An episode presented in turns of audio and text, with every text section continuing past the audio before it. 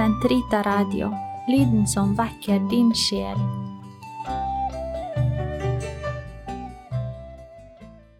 Kroppens teologi, en kommentar til pave Johannes Paul 2.s onsdagskatekeser av Eirik Ambrosius Stenhoff.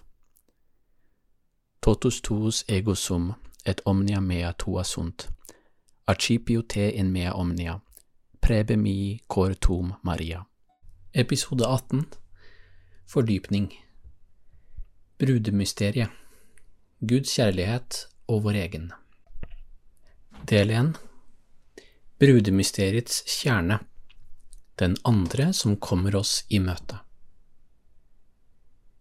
De to foregående episodene var viet til en refleksjon over Efeserbrevets ekteskapsanalogi i kapittel 5, og dens implikasjoner for kroppens teologi.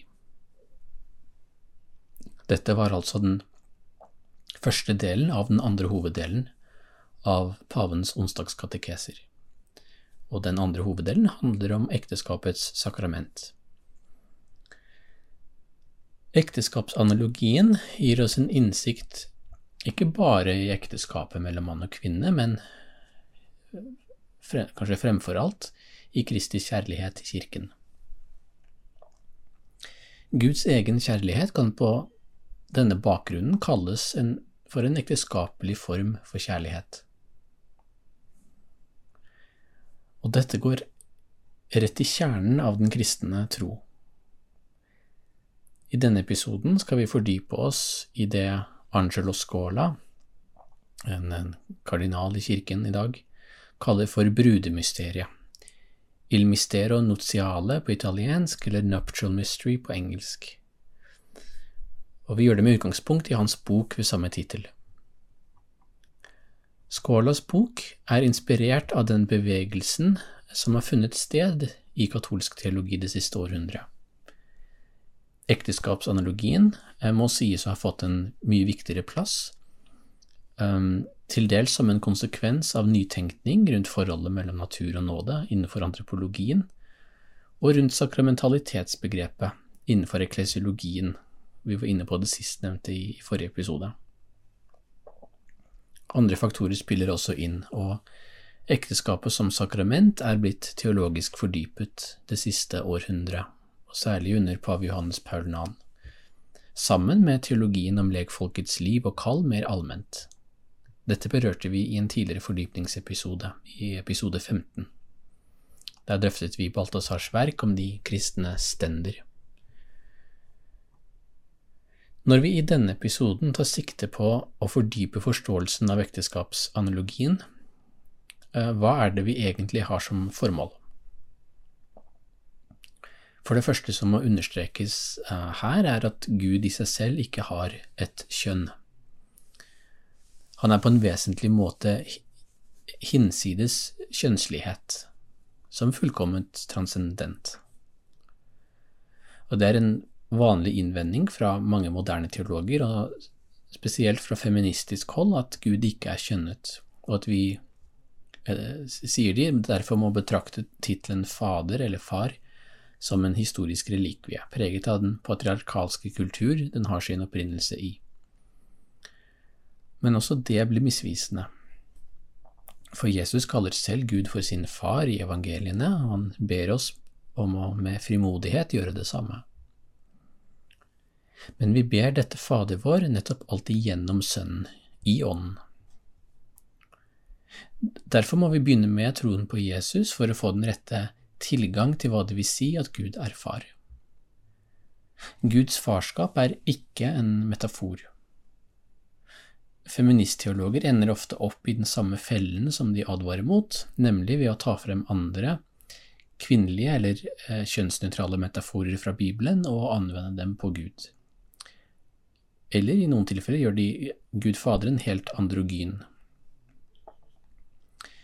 Guds farskap eh, er imidlertid ikke en projisering av menneskelig farskap på Gud, men i en dyp forstand en, en forankring for menneskelig farskap.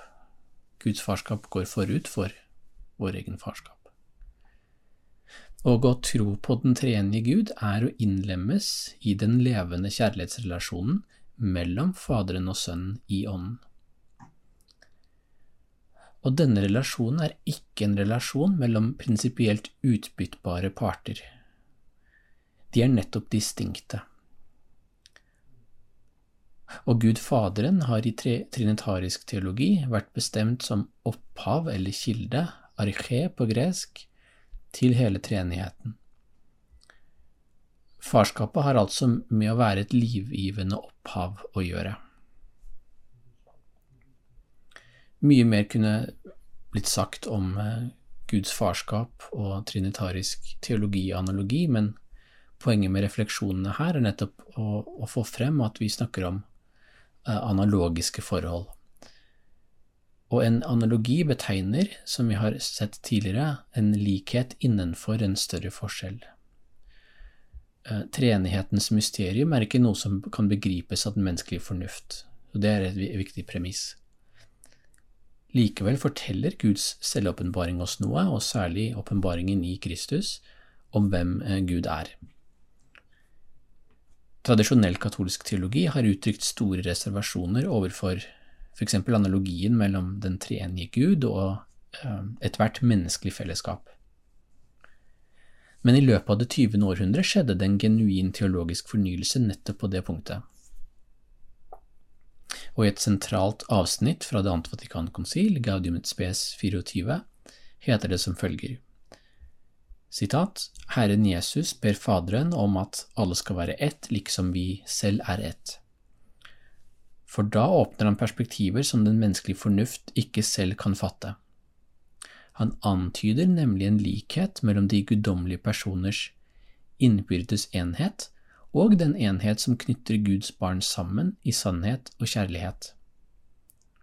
Denne likhet viser at mennesket, den eneste skapning på jorden som Gud har villet for dens egen skyld, ikke fullt ut kan finne seg selv uten oppriktig å gi seg selv til andre.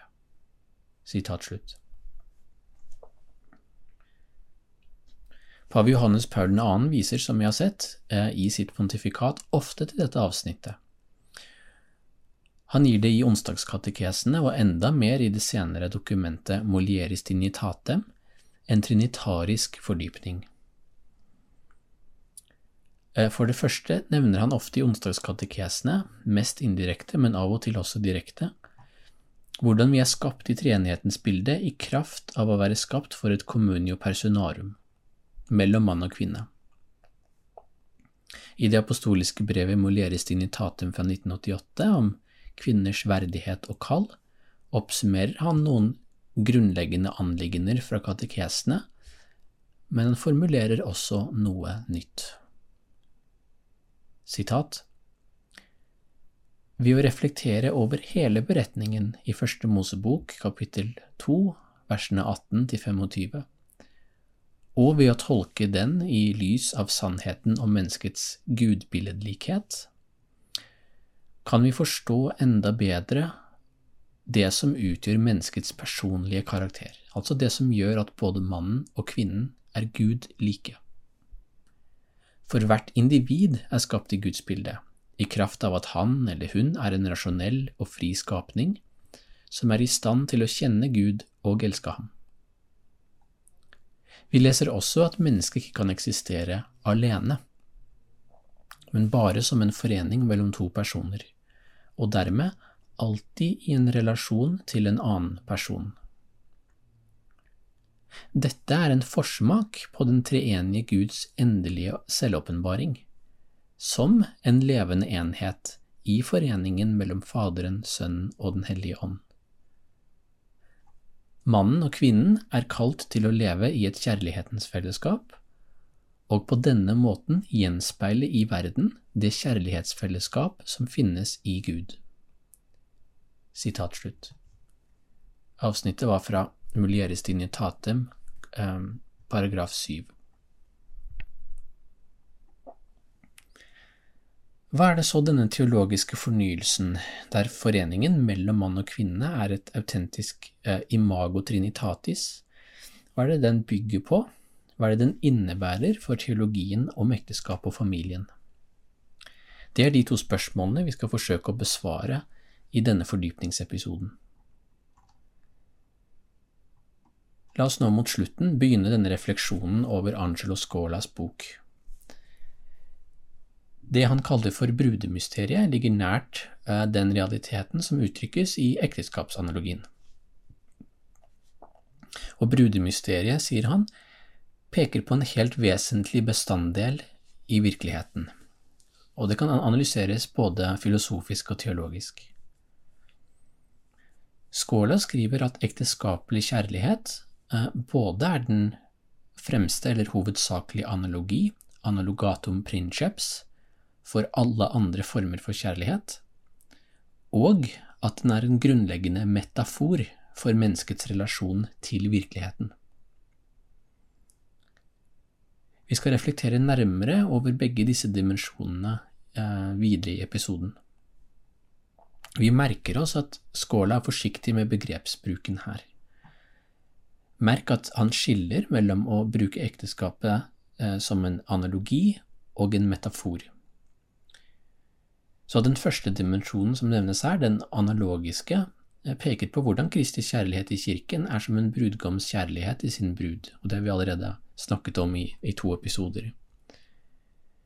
Og en, en, vesentlig faktor her, i denne analogien, er at Kristus er den elskende, den aktivt elskende, og kirken den elskede. Gud, gjennom Kristus, er den som har tatt initiativet, og som har elsket oss først. Det ble også klart i refleksjonene over um, frelsens mysterium uh, i lys av Efeserbrevet. Så denne kjærligheten må altså være en reell relasjon, og ingen metafor sånn sett. Mens mye moderne teologi, som vi vet, uh, har en tendens til å redusere Efeserbrevets ekteskapsanalogi til en metafor på linje med at Gud har en sterk arm eller er hyrde for sine får, eh, eller noe sånt. Den andre dimensjonen handler om menneskets relasjon til virkeligheten. Og dette er eh, mer metaforisk å forstå, men like fullt svært viktig. Vi snakker her om en ontologisk dimensjon. Og her går skåla, som Johannes Paul Nahn også har gjort, i rette med en bred tradisjon i moderne tenkning som avviser eksistensen uh, av virkeligheten utenfor det sansende eller tenkende subjektet. Hvis vi legger ekteskapelig kjærlighet til grunn som en metafor her, så kan vi si at virkeligheten er gitt oss før vi selv kommer til en erkjennelse av den. Men selv om den eksisterer før oss, er den altså likevel gitt oss som en gave som vi er kalt å oppdage. Så her kan vi se hvordan det gir rik mening å beskrive menneskelig erfaring og rasjonalitet ut fra kjærligheten som grunnleggende kategori. Skåla skriver at citat, gjennom ekteskapsmysteriet fornemmer vi at noen kaller oss og setter vår frihet i bevegelse. Sitat slutt. Dette kan vi jo selvfølgelig si på en særlig måte om Kristi kjærlighet til oss, som samtidig er et kall til omvendelse og et nytt liv i hans etterfølgelse.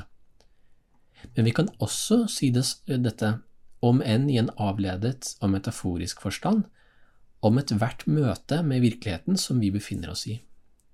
Og Skåla skriver nettopp det, vi trenger å konvertere, han bruker ordet metanoia, omvendelse, vi trenger å konvertere til virkeligheten slik den er. For bare på den måten kan vi begripe virkeligheten som et tegn, et tegn på noe som overskrider den empiriske virkeligheten vi, vi fornemmer med, med sansene, f.eks. Og det vil også være en forutsetning for å begripe den dype sannheten i ekteskapsanalogien, eller alt vi egentlig snakker om her. For her har vi et stort problem i moderne tenkning. Vi snakker ikke her om et møte mellom et, et jeg som er en slags selvtilstrekkelig svevende ånd uh, i, i, møte med en verden som består av prinsipielt analyserbare gjenstander utstrakt i tid og rom, uh, som hos Descartes. Nei, vi snakker om et møte som dypest sett er et kjærlighetens mysterium, der vi bare kan besvare et initiativ som kommer til oss utenfra, uten å fullt ut kunne begripe alle aspekter ved det. Vi vet bare at vi er kalt, ut av oss selv, av den andre som kommer oss i møte. Og ved dette primære initiativet utenfra innser vi også hvem vi selv er, nemlig at vi er elsket, og at vi er skapt for en communio personarum. Og dette var også Adams erfaring av sin egen ensomhet. I neste del skal vi gå dypere inn i brudemysteriets teologiske grunnlag. Gloria patri et filio et spiritui sancto, sicut erat in principio et nunc et semper, et in secula secolorum. Amen.